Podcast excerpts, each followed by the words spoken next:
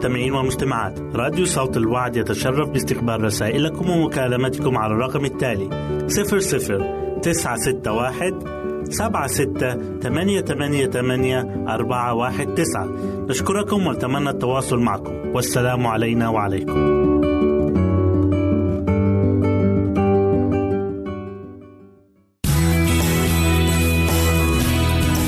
استماع وتحميل برامجنا من موقعنا على الإنترنت www.awr.org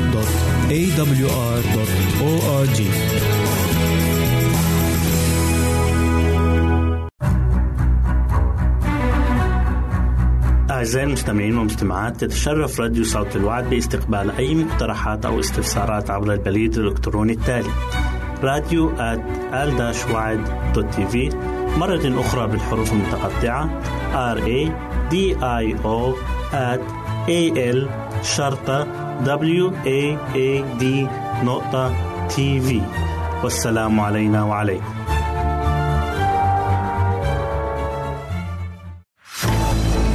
أعزائي المستمعين والمستمعات راديو صوت الوعد لا يكتفي بخدمتكم عبر الموجات الصوتية فقط بل وإنه يطرح لكم موقعا إلكترونيا يمكنكم من خلاله مشاهدة أجمل البرامج الدينية الثقافية الاجتماعية وغيرها من المواضيع الشيقة. يمكنكم زيارة الموقع من خلال العنوان التالي www.al waad.tv مرة أخرى بالحروف المتقطعة www.al-waad.tv والسلام علينا وعليكم.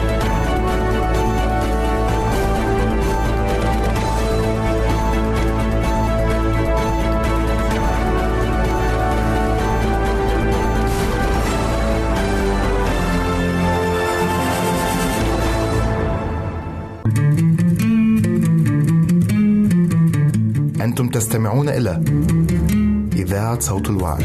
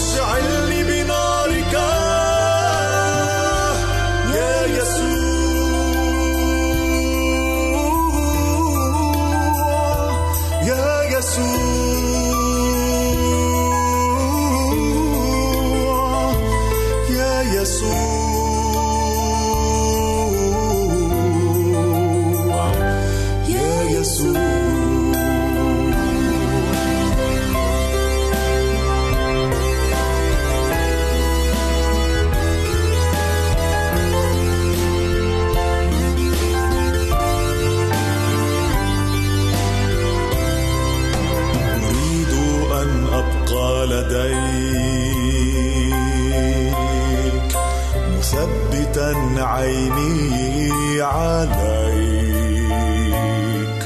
أحيا لمجدك. مكرسا لك. لك ربي وحدك. أريد أن أبقى لديك مثبتا عيني.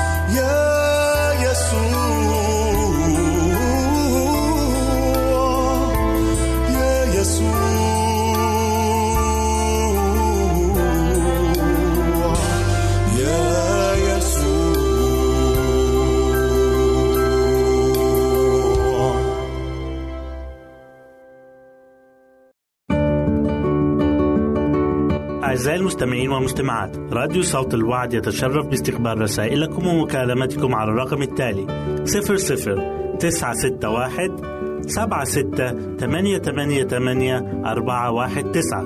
نشكركم ونتمنى التواصل معكم. والسلام علينا وعليكم.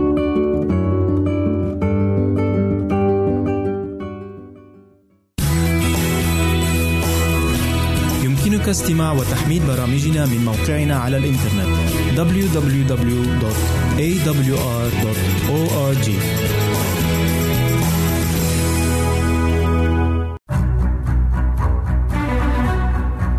أعزائي المستمعين والمستمعات تتشرف راديو صوت الوعد باستقبال أي مقترحات أو استفسارات عبر البريد الإلكتروني التالي راديو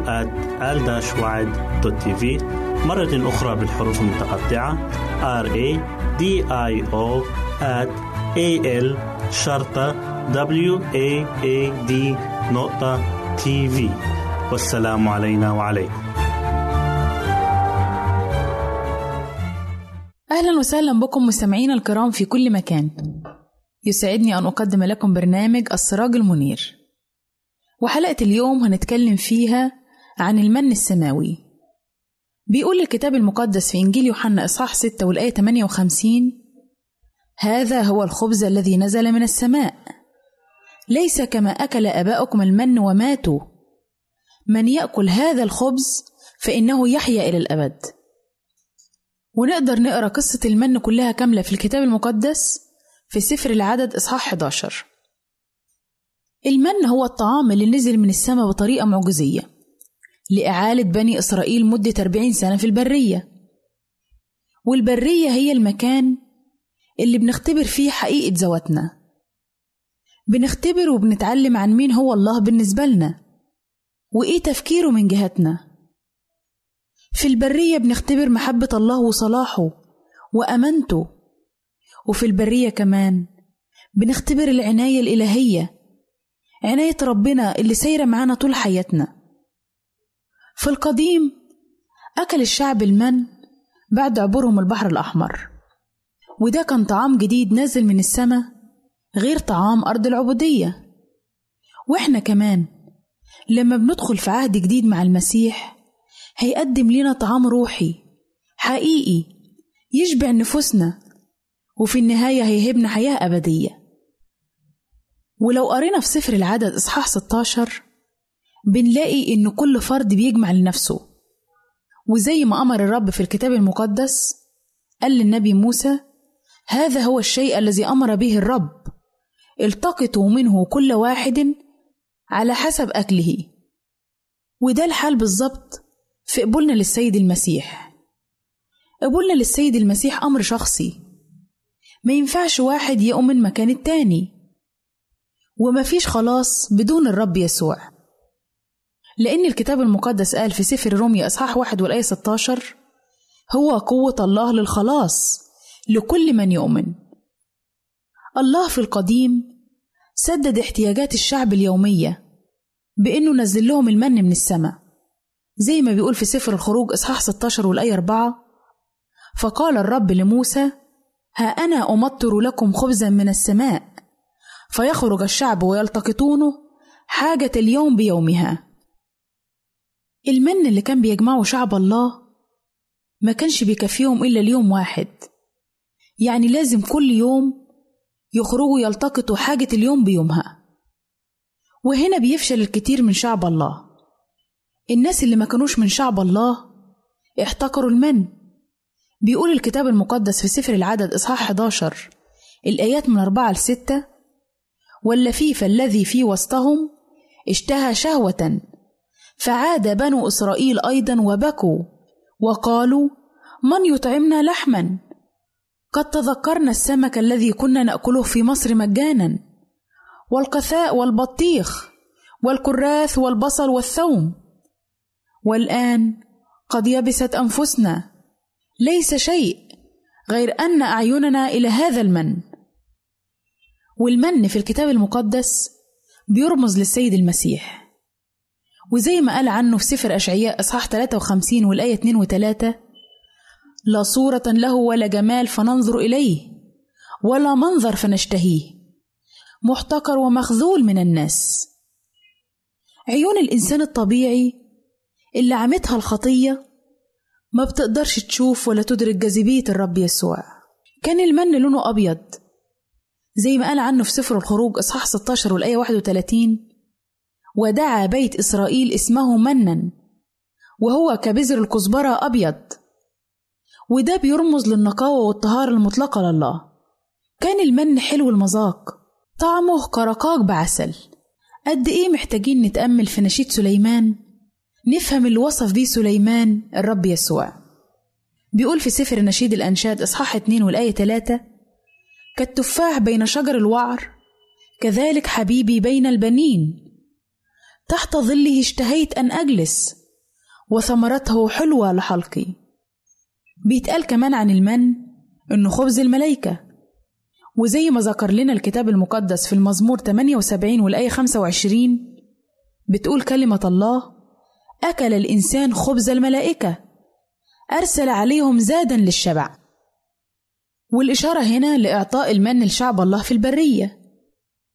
فالمسيح مش بس بيشبع الناس اللي من شعبه اللي من خاصته. لكن كمان بيشبع كل قلوب خلائقه السماوية. الملايكة غير الساقطين. اللي بيجدوا عمق لذتهم في الله. وهم بيتعبدوا ليه. وهم بيخدموه. وهم بيسبحوه. كان المن بيتعطي بالليل. كان بيتبعت من السما لشعب الله. وقت ساعات الظلام. وهم نايمين. ودي صورة لعجز الإنسان. لأننا في الوقت ده بنكون نايمين. بنكون في قمة العجز. ودي فعلا حقيقتنا. لما أعطى الله الخبز الحقيقي من السماء بمجيء السيد المسيح للأرض كنا في ضلمة عاجزين ضعفاء وبلا قوة. نزل المن حوالين خيام شعب الله في القديم. والمسيح جه لأرضنا جه لمساكننا وصار واحد منا لكن بدون خطية. كان الشعب في القديم بيلتقط المن كل يوم في الصباح. وده بيرمز برضه لشركتنا مع المسيح إنها المفروض تكون متجددة ومستمرة كل يوم. وإذا اتأخرنا في التقاط المن الشمس هتطلع وهتدوبه ومش هنلاقيه بعد كده. بيقول الكتاب المقدس في سفر الأمثال إصحاح 8 والآية 17 أنا أحب الذين يحبونني والذين يبكرون إلي يجدونني. أعزائي الشعب في القديم كان بيصحى بدري عشان يلتقط المن. وإحنا كمان لازم نسعى باكرين كل يوم عشان نتقابل مع الله عشان نشبع بيه عشان يكون هو أول اهتمام في حياتنا. وإلا مش هنلاقيه. المن كان عطية من الله لكن كان عليهم إنهم يصحوا بدري. يجتهدوا عشان يجمعوه. يا ريت ربنا يساعدنا. ونستيقظ من نومنا. وندى الله الأولوية في حياتنا.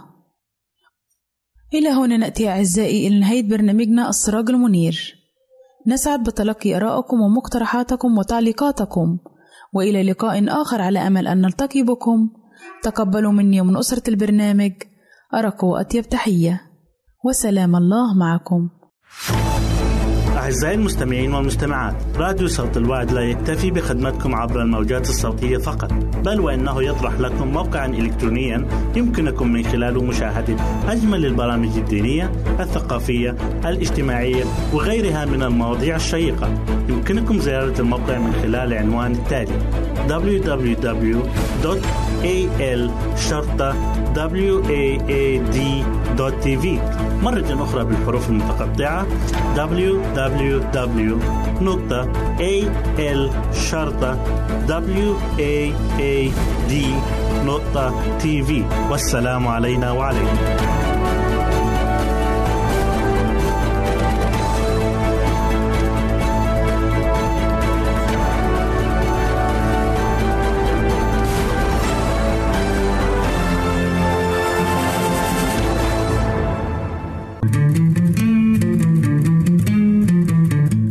تستمعون إلى إذاعة صوت الوعد.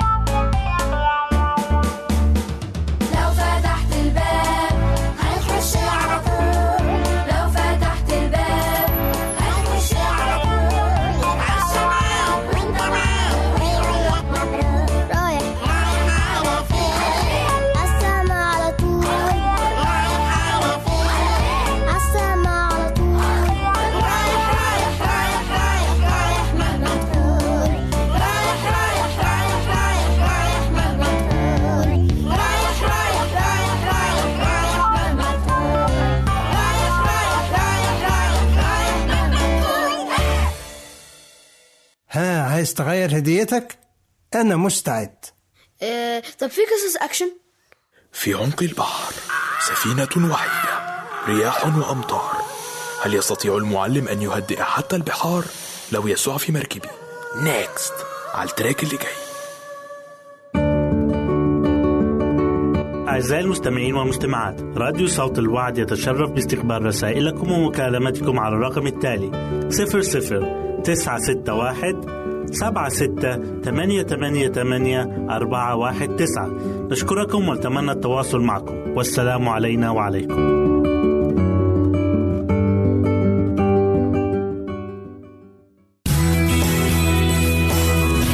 يمكنك استماع وتحميل برامجنا من موقعنا على الإنترنت www.awr.org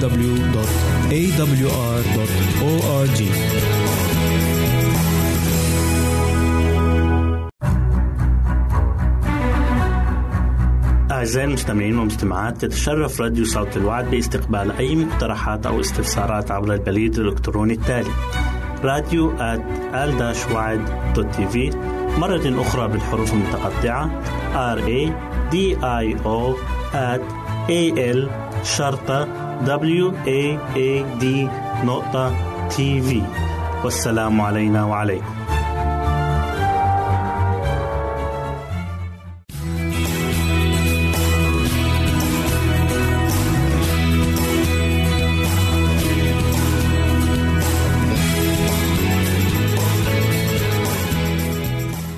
أهلا وسهلا بكم مستمعينا الكرام في كل مكان.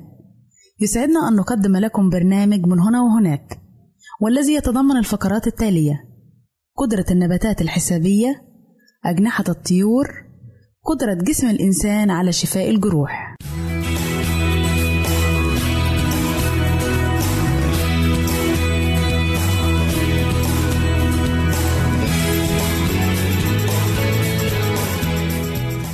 أولى فقراتنا سوف نتحدث فيها عن قدرة النباتات الحسابية. تستخدم النباتات عملية معقدة تعرف بالتخليق الضوئي لتحويل الطاقة من أشعة الشمس إلى غذاء، وتكشف دراسات أن بعض أنواع النباتات تعتمد عملية أخرى أيضًا، فهي تحتسب المعدل الأمثل لاستهلاك طعامها خلال الليل. تأمل معي فيما يلي: تحول النباتات ثاني أكسيد الكربون في الجو إلى نشا وسكر. أما في الليل فتستهلك بعض أنواع النباتات النشا المخزن خلال النهار لتتفادى الجوع وتحافظ على إنتاجيتها ونموها كما أنها تستهلكه بالوتيرة المناسبة وعندما يبزغ نهار جديد تكون قد استعملت حوالي 95% من مخزونها. وهكذا تستمر هذه العملية يوما بعد الآخر. وهذا الاكتشاف جاء نتيجة تجارب أجريت على نبات من العائلة الخردلية. فقد وجد الباحثون أن هذا النبات يقسم الطعام إلى حصص حسب طول الليل سواء كان 8 ساعات أو 12 ساعة أو 16 ساعة. ومن الواضح أنه يقسم كمية النشا المتوفرة على عدد الساعات المتبقية حتى طلوع الفجر وهكذا يعرف المعدل الأمثل لاستهلاك النشا. إذا فكيف تحدد النباتات كمية النشا المخزونة فيها وكيف تحسب ساعات الليل وأية آلية تمكنها من القيام بعمليات حسابية قد تجيب الأبحاث في المستقبل عن هذه الأسئلة ولكن ما رأيك؟ هل قدرة النباتات الحسابية من نتاج التطور؟ أم أنها دليل على وجود خالق مبدع في خليقته؟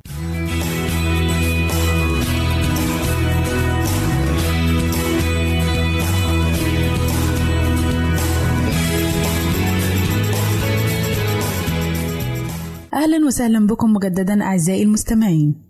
إليكم فقرتنا الثانية والتي نتحدث فيها عن أجنحة الطيور. تخلق الطائرات النفاثة خلال الطيران دوامات هوائية سريعة عند طرف أجنحتها وتولد هذه الدوامات قوة سحب تزيد من استهلاك الوقود كما أنها تصطدم بالطائرات التي تطير على مسافة قريبة. لذا عند إقلاع الطائرات من المدرج نفسه يجب أن تفصل بينها مسافة كافية كي يتوفر الوقت اللازم لزوال الدوامات. إلا أن مهندسي الطيران اكتشفوا طريقة للتخفيف من هذه المشاكل. فما هي؟ الجنيحات المستوحاة من أطراف الأجنحة المعكوفة للطيور المحلقة كالصقر الحوام والعقاب واللقلق تأمل معي فيما يلي. خلال الطيران ينعكف الريش عند طرف أجنحة هذه الطيور الكبيرة إلى أن يصبح عموديا تقريبا. وهذا الشكل يوفر قدرة رفع أكبر وفي الوقت نفسه يكسر طول الأجنحة قدر الإمكان كما أنه يحسن أداء الطيور. وقد صمم المهندسون أجنحة طائرات لها شكل مشابه فعدلوا الأجنحة عند الأطراف بحيث تكون مقوسة بدقة ومتناسقة مع تدفق الهواء. وأظهرت اختبارات مبتكرة في النفق الهوائي أن هذا التعديل يحسن أداء الطائرة بنسبة يمكن أن تتجاوز 10% وما السبب؟ تخفف الجنيحات قوة السحب بالتقليل من عدد الدوامات وتولد أيضا نوعا من قوة الدفع التي تبطل بعض قوة السحب العادية في الطائرة وهذا حسبما تذكره موسوعة الطيران وبالنتيجة تكسر الجنيحات أجنحة الطائرات مما يسهل ركنها وتمكنها أن تطير مسافات أبعد وتنقل حمولة أكبر وتصرف وقودا أقل ففي عام 2010 مثلا استطاعت شركات الطيران أن توفر بليوني غالون أي 7 مليون لتر و600 من الوقود حول العالم وساهمت في التخفيف كثيرا من انبعاثات الطائرات وفقا لبيان صحفي صادر عن النسا فما رأيك؟ هل أجنحة الطيور المحلقة المعكوفة الأطراف من نتاج التطور أم أنها دليل على وجود خالق مبدع في خليقته؟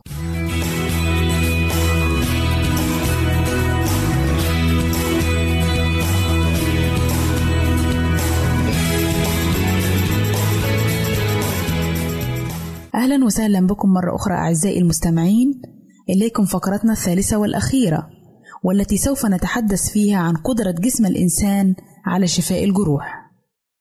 عمليات عديدة تتضمن استمرار حياة الإنسان، وإحداها هي قدرة الجسم على مداواة الجروح وتجديد النسيج المتضرر، وتبدأ هذه العملية حالما يصاب الجسم بجرح.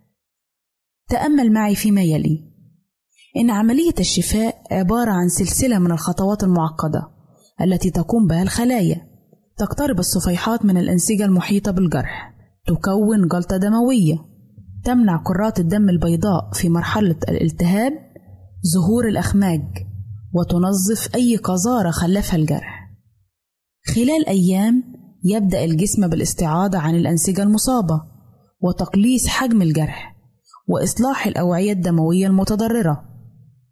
وأخيرا يتكون النسيج الندبي ويقوي المنطقة التي أصيبت بأذى. وإذ يستوحى الباحثون من عملية تجلط الدم يبتكرون ألواحا بلاستيكية تشفي نفسها حينما تتضرر.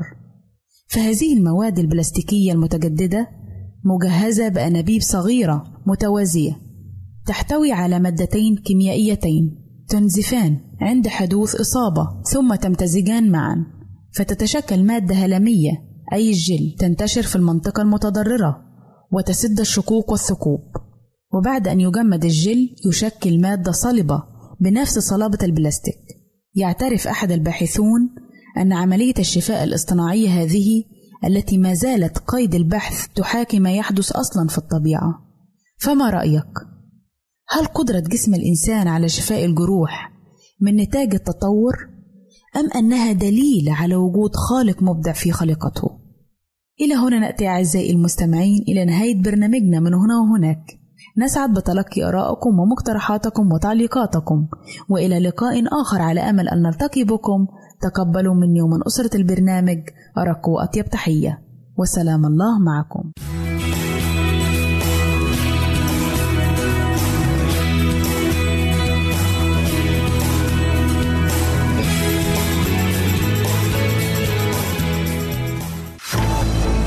أعزائي المستمعين والمستمعات راديو صوت الوعد لا يكتفي بخدمتكم عبر الموجات الصوتية فقط بل وإنه يطرح لكم موقعا إلكترونيا يمكنكم من خلاله مشاهدة أجمل البرامج الدينية الثقافية الاجتماعية وغيرها من المواضيع الشيقة. يمكنكم زيارة الموقع من خلال العنوان التالي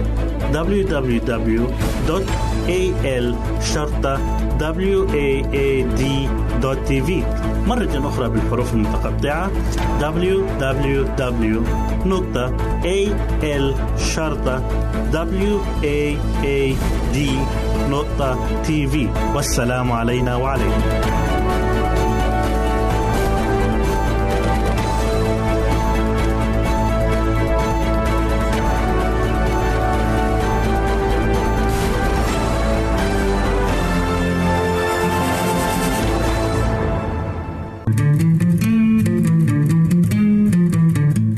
أنتم تستمعون إلى إذاعة صوت الوعد.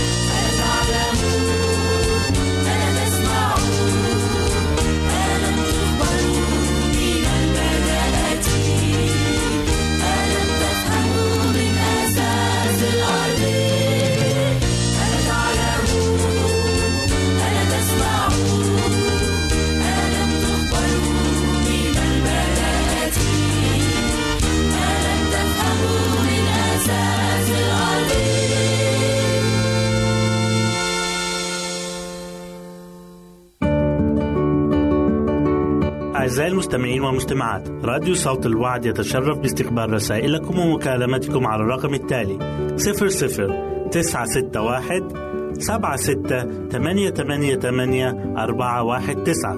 نشكركم ونتمنى التواصل معكم. والسلام علينا وعليكم.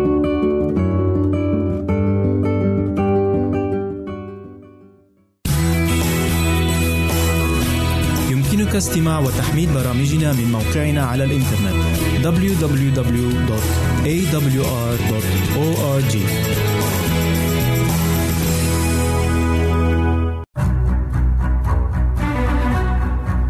أعزائي المستمعين والمستمعات تتشرف راديو صوت الوعد باستقبال أي مقترحات أو استفسارات عبر البريد الإلكتروني التالي راديو al مرة أخرى بالحروف المتقطعة R A O at A L شرطة W A A D نقطة تي في والسلام علينا وعليكم سعيد أن أجدد لقائي معك عزيزي المستمع في هذه الحلقة الجديدة من برنامج قصة وحكاية. عزيزي، لم يأتي أحد من الموت ليحكي لنا عن تجربته مع تلك الساعات القليلة قبل الموت. ولكن في بعض الأحيان يعيش الناس تجارب صعبة وخطيرة يكونون فيها أحوج ما يكون إلى عطف ومحبة وهم على شفير الموت. وأصعب تلك اللحظات عندما يستهزئ بك أعداؤك وجلاديك وأنت على حافة الموت. هذا ما حصل مع السيد المسيح عندما صلب على جبل الجلجثة وقد ذكرنا الله بذلك قبل مئات السنين بما حصل مع السيد المسيح في لحظاته الأخيرة حيث نقرأ في سفر المزامير المزمور الواحد والعشرين والآية السابعة كل الذين يرونني يستهزئون بي يفغرون الشفاه وينغصون الرأس. فتعال معنا عزيزي لنتعرف على المزيد وهذه الحلقة التي تحمل عنوان لحظات الموت. إنه لأمر كئيب ومقبض للنفس أن يكون الإنسان وحيدا عند احتضاره على فراش الموت متروكا من أصدقائه وأقربائه حيث لا يسمع صوت تعزية أو صلاة لأجله. ولا يجد بالقرب منه عينا محبة تحنو عليه وتعطف عليه أو يدا حانية تلبي حاجاته الأخيرة وتجفف العرق البارد على جبينه وتغلق عينيه بعد موته. لقد كانت هذه الوحدة نصيب بعض عظماء هذا العالم ومن هؤلاء ويليام بايت السياسي المشهور حيث أرسل أحد جيرانه شخصا ليسأل عنه. وقد وجد هذا الشخص بوابة القصر مفتوحة على مصراعيها بينما كان البيت مهجورا وسكون الموت يخيم عليه. وقد انتقل الزائر من حجرة إلى أخرى إلى أن وصل أخيرا إلى غرفة الموت حيث كان جسد الوزير المشهور مسجع على الفراش.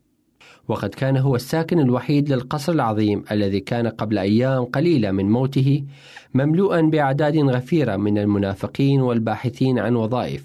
وطالبي العفو. لكن الأكثر كآبة وحزنا هو أن يحاط الشخص المحتضر بألد أعدائه. وكل واحد منهم يعمل ما في وسعه من مرارة اللحظات الأخيرة للشخص المحتضر بالتعييرات والشتائم والإهانات مما يزيد من كربه وآلام احتضاره بأقصى الوسائل. ولا شك أن مثل هذه الحالات لا تحدث أبدا في الدول والحكومات المتحضرة حتى بالنسبة لأعظم المجرمين. حيث أن قبل تنفيذ حكم الإعدام في المجرم يعامل بكل لطف ممكن مع الاهتمام بتلبية رغباته الأخيرة. لكن ألم تحدث مثل هذه الحالة عند صلب السيد المسيح رب المجد؟ لقد اجتمع هناك رؤساء وجنود أعظم مملكة في العالم حينئذ. مع أعظم رؤساء الدين لتلك الأمة التي كانت تسمي نفسها شعب الله. وكآلات في يد رئيس هذا العالم إبليس أظهروا كل شر وعداوة ضد السيد المسيح. الذي وضع الله عليه إثم جميعنا وقدمه كفارة لأجل الجميع حتى يمكن لكل من يؤمن به أن يشفى بحبره.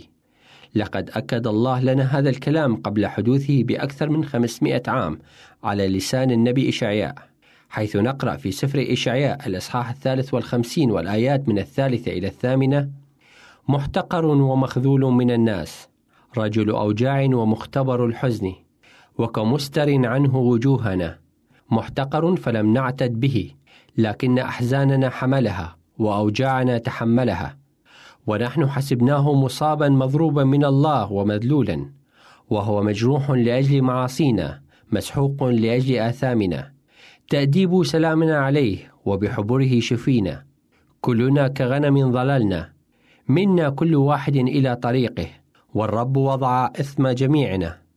ظلم أما هو فتذلل ولم يفتح فاه. كشاة تساق إلى الذبح وكنعجة صامتة أمام جزاريها فلم يفتح فاه. من الضوطة ومن الدينونة أخذ. وفي جيله من كان يظن أنه قطع من أرض الأحياء إنه ضرب من أجل ذنب شعبي نعم لقد كان على الصليب متروكا بكل ما تحمله الكلمة من معان مرعبة. لقد ترك له المجد من كل خاصته. والأمر الأكثر رعبا من ذلك هو أنه بدأ وكأنه ترك من الله ليواجه لحظات موته الأخيرة منفردا. كل هذا لنجتاز أنا وأنت أيها المستمع المؤمن في هذا الاختبار المرير والمؤلم والقاسي ولكي نحيا حياة أبدية معه عندما يأتي على سحب المجد. كان معك في لقاء اليوم الأخ يوسف حبيب وإلى اللقاء. أعزائي المستمعين والمستمعات راديو صوت الوعد لا يكتفي بخدمتكم عبر الموجات الصوتية فقط بل وإنه يطرح لكم موقعا إلكترونيا يمكنكم من خلاله مشاهدة أجمل البرامج الدينية الثقافية الاجتماعية وغيرها من المواضيع الشيقة. يمكنكم زيارة الموقع من خلال العنوان التالي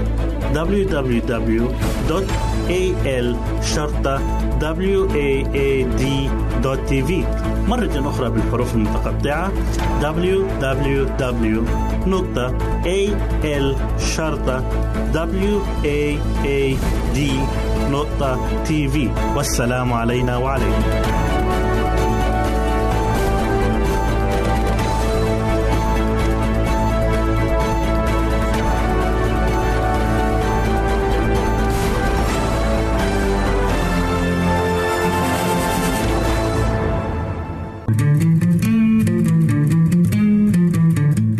تستمعون إلى إذاعة صوت الوعد.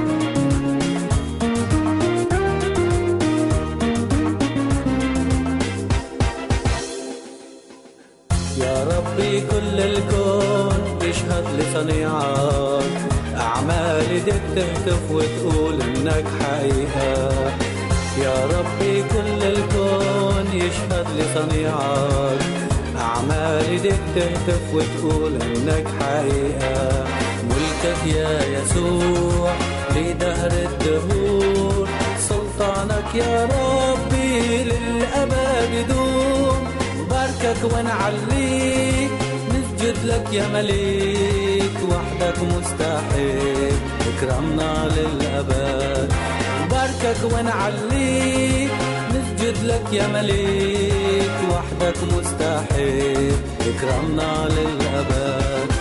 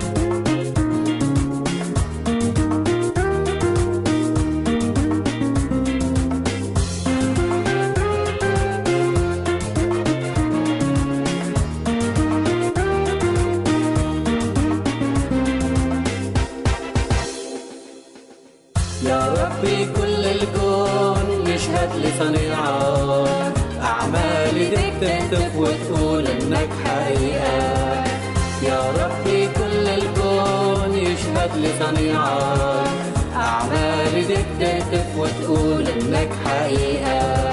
ملكك يا يسوع لدهر الدهور؟ سلطانك يا ربي للأبد يدوم باركك ونعليك نسجد لك يا مليك. وحدك مستحيل اكرمنا للأبد. باركك ونعليك نسجد لك يا مليك وحدك مستحيل. اكرمنا للأبد. كل الحياة معاك مليانة بجودك. إله قادر صادق وأمين في كل وعودك.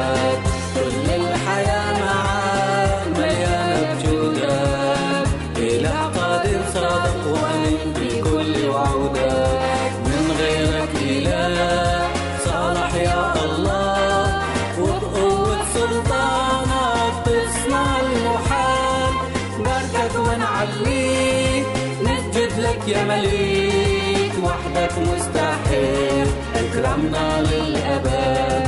نباركك ونعليك نسجد لك يا مليك وحدك مستحيل. اكرمنا للأبد.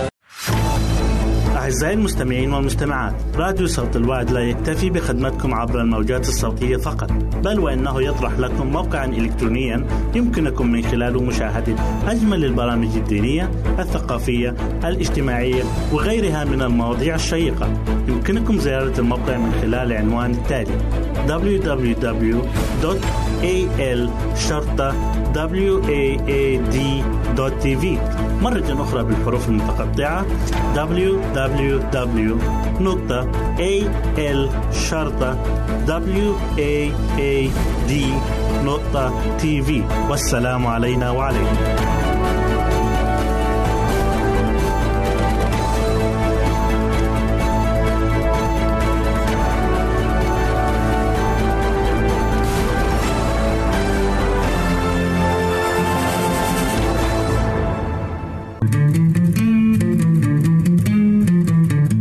أنتم تستمعون إلى إذاعة صوت الوعد.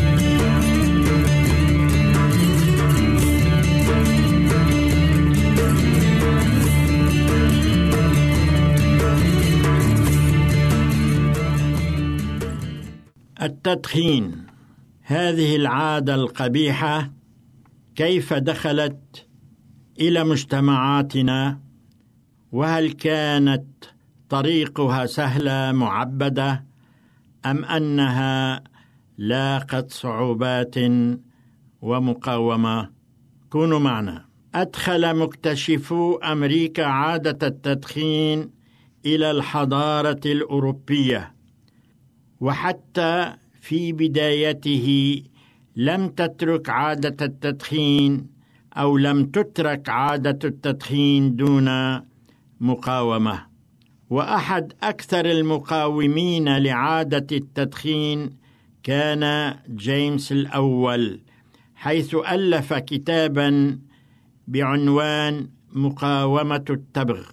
وقد اعتبر التدخين في بدايته وسيلة هدامة للصحة والسيجارة التي يعرفها الناس بشكلها الحالي ظهرت في البرازيل عام 1870 أي منذ حوالي 140 سنة.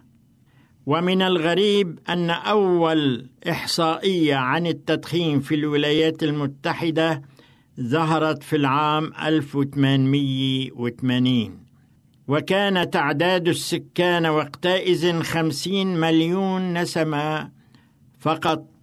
وكان تعداد السجائر التي يدخنوها في ذلك الحين هو واحد فاصل ثلاثة بليون سيجارة سنويا في أمريكا.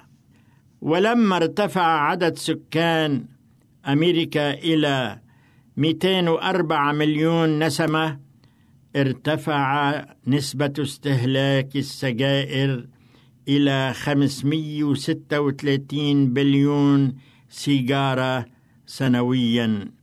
يتضح لنا من الإحصائيات أن نسبة ارتفاع المدخنين في أمريكا هي أعلى بكثير من نسبة ارتفاع عدد السكان.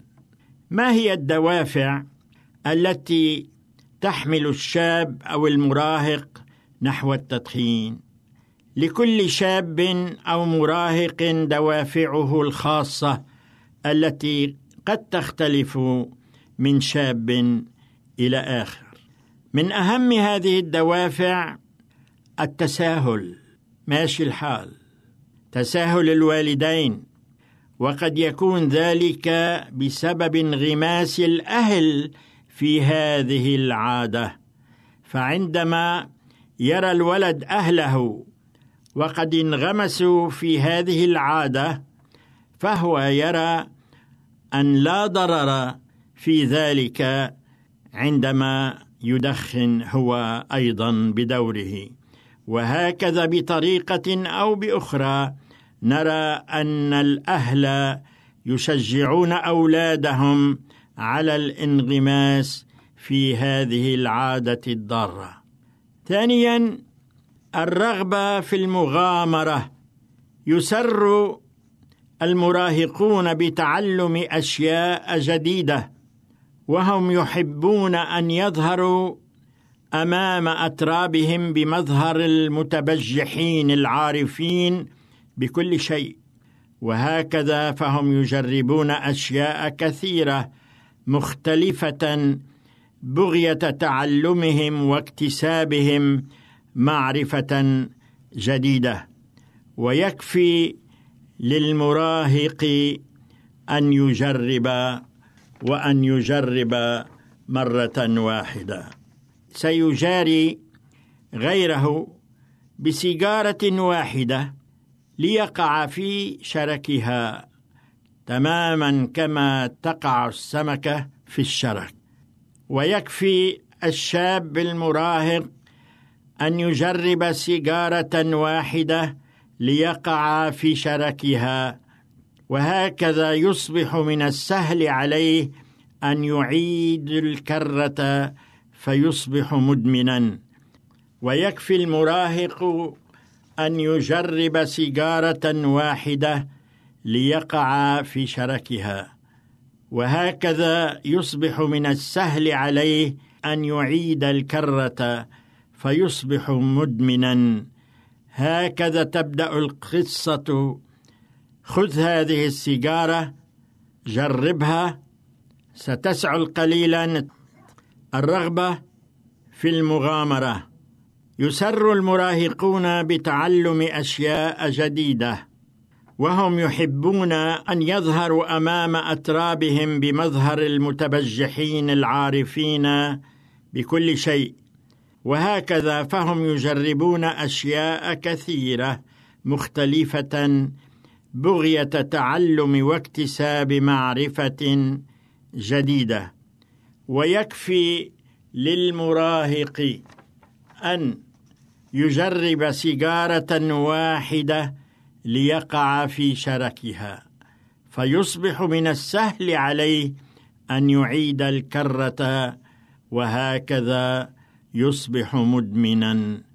هكذا تبدأ القصة وهذه السيجارة جربها ستسعل قليلا ولكن لا بأس ستتعود عليها. الاقتناع بواسطة الأصدقاء للأصدقاء تأثيرهم السلبي في عملية التدخين. فمعظم الأصدقاء هنا وهم أصدقاء سوء يريدون أن يبتلي غيرهم في هذه البلية تماما مثلما ابتلوا هم فالكثير من المراهقين لا يريدون أن يختلفوا عن غيرهم فطالما أن أصدقاءهم يدخنون فلماذا يستثنون؟ فالكثير من المراهقين لا يريدون الاختلاف عن غيرهم.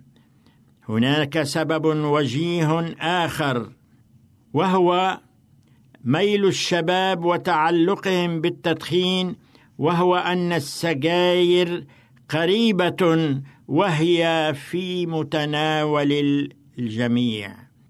إليكم أحبائي المدخنين بعض الحقائق العلمية عن التدخين.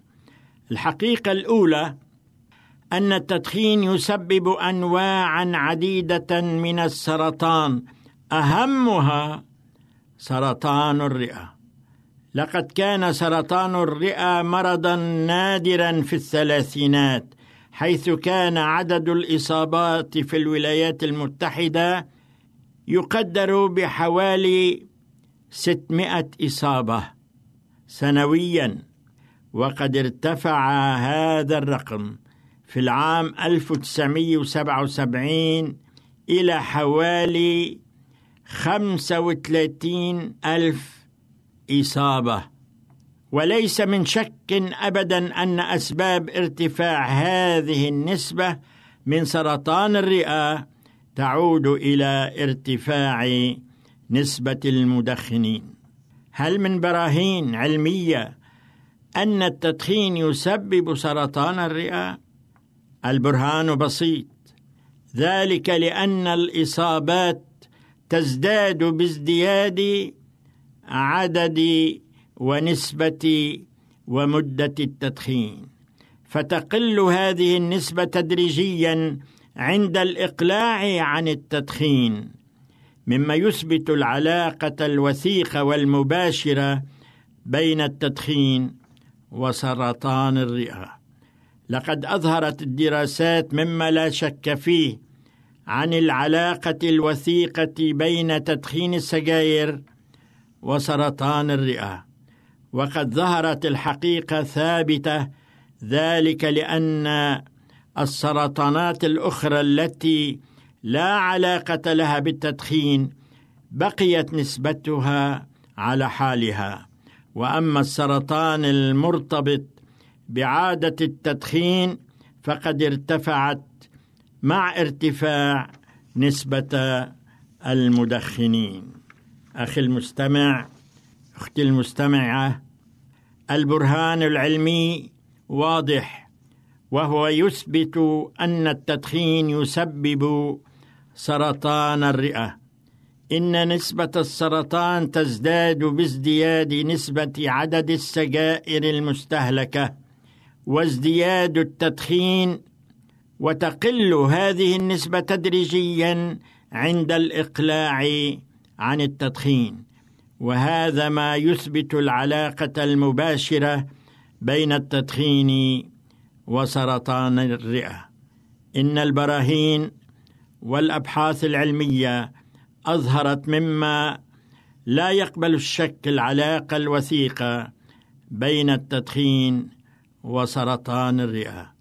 أخي المستمع أختي المستمعة هل تريد أن تبعد أنت وأن تبعد عائلتك وأولادك عن هذه الأمراض الخبيثة؟ فاترك التدخين وأقلع عن هذه العادة إلى الأبد. كان معكم شحاد الحلبي.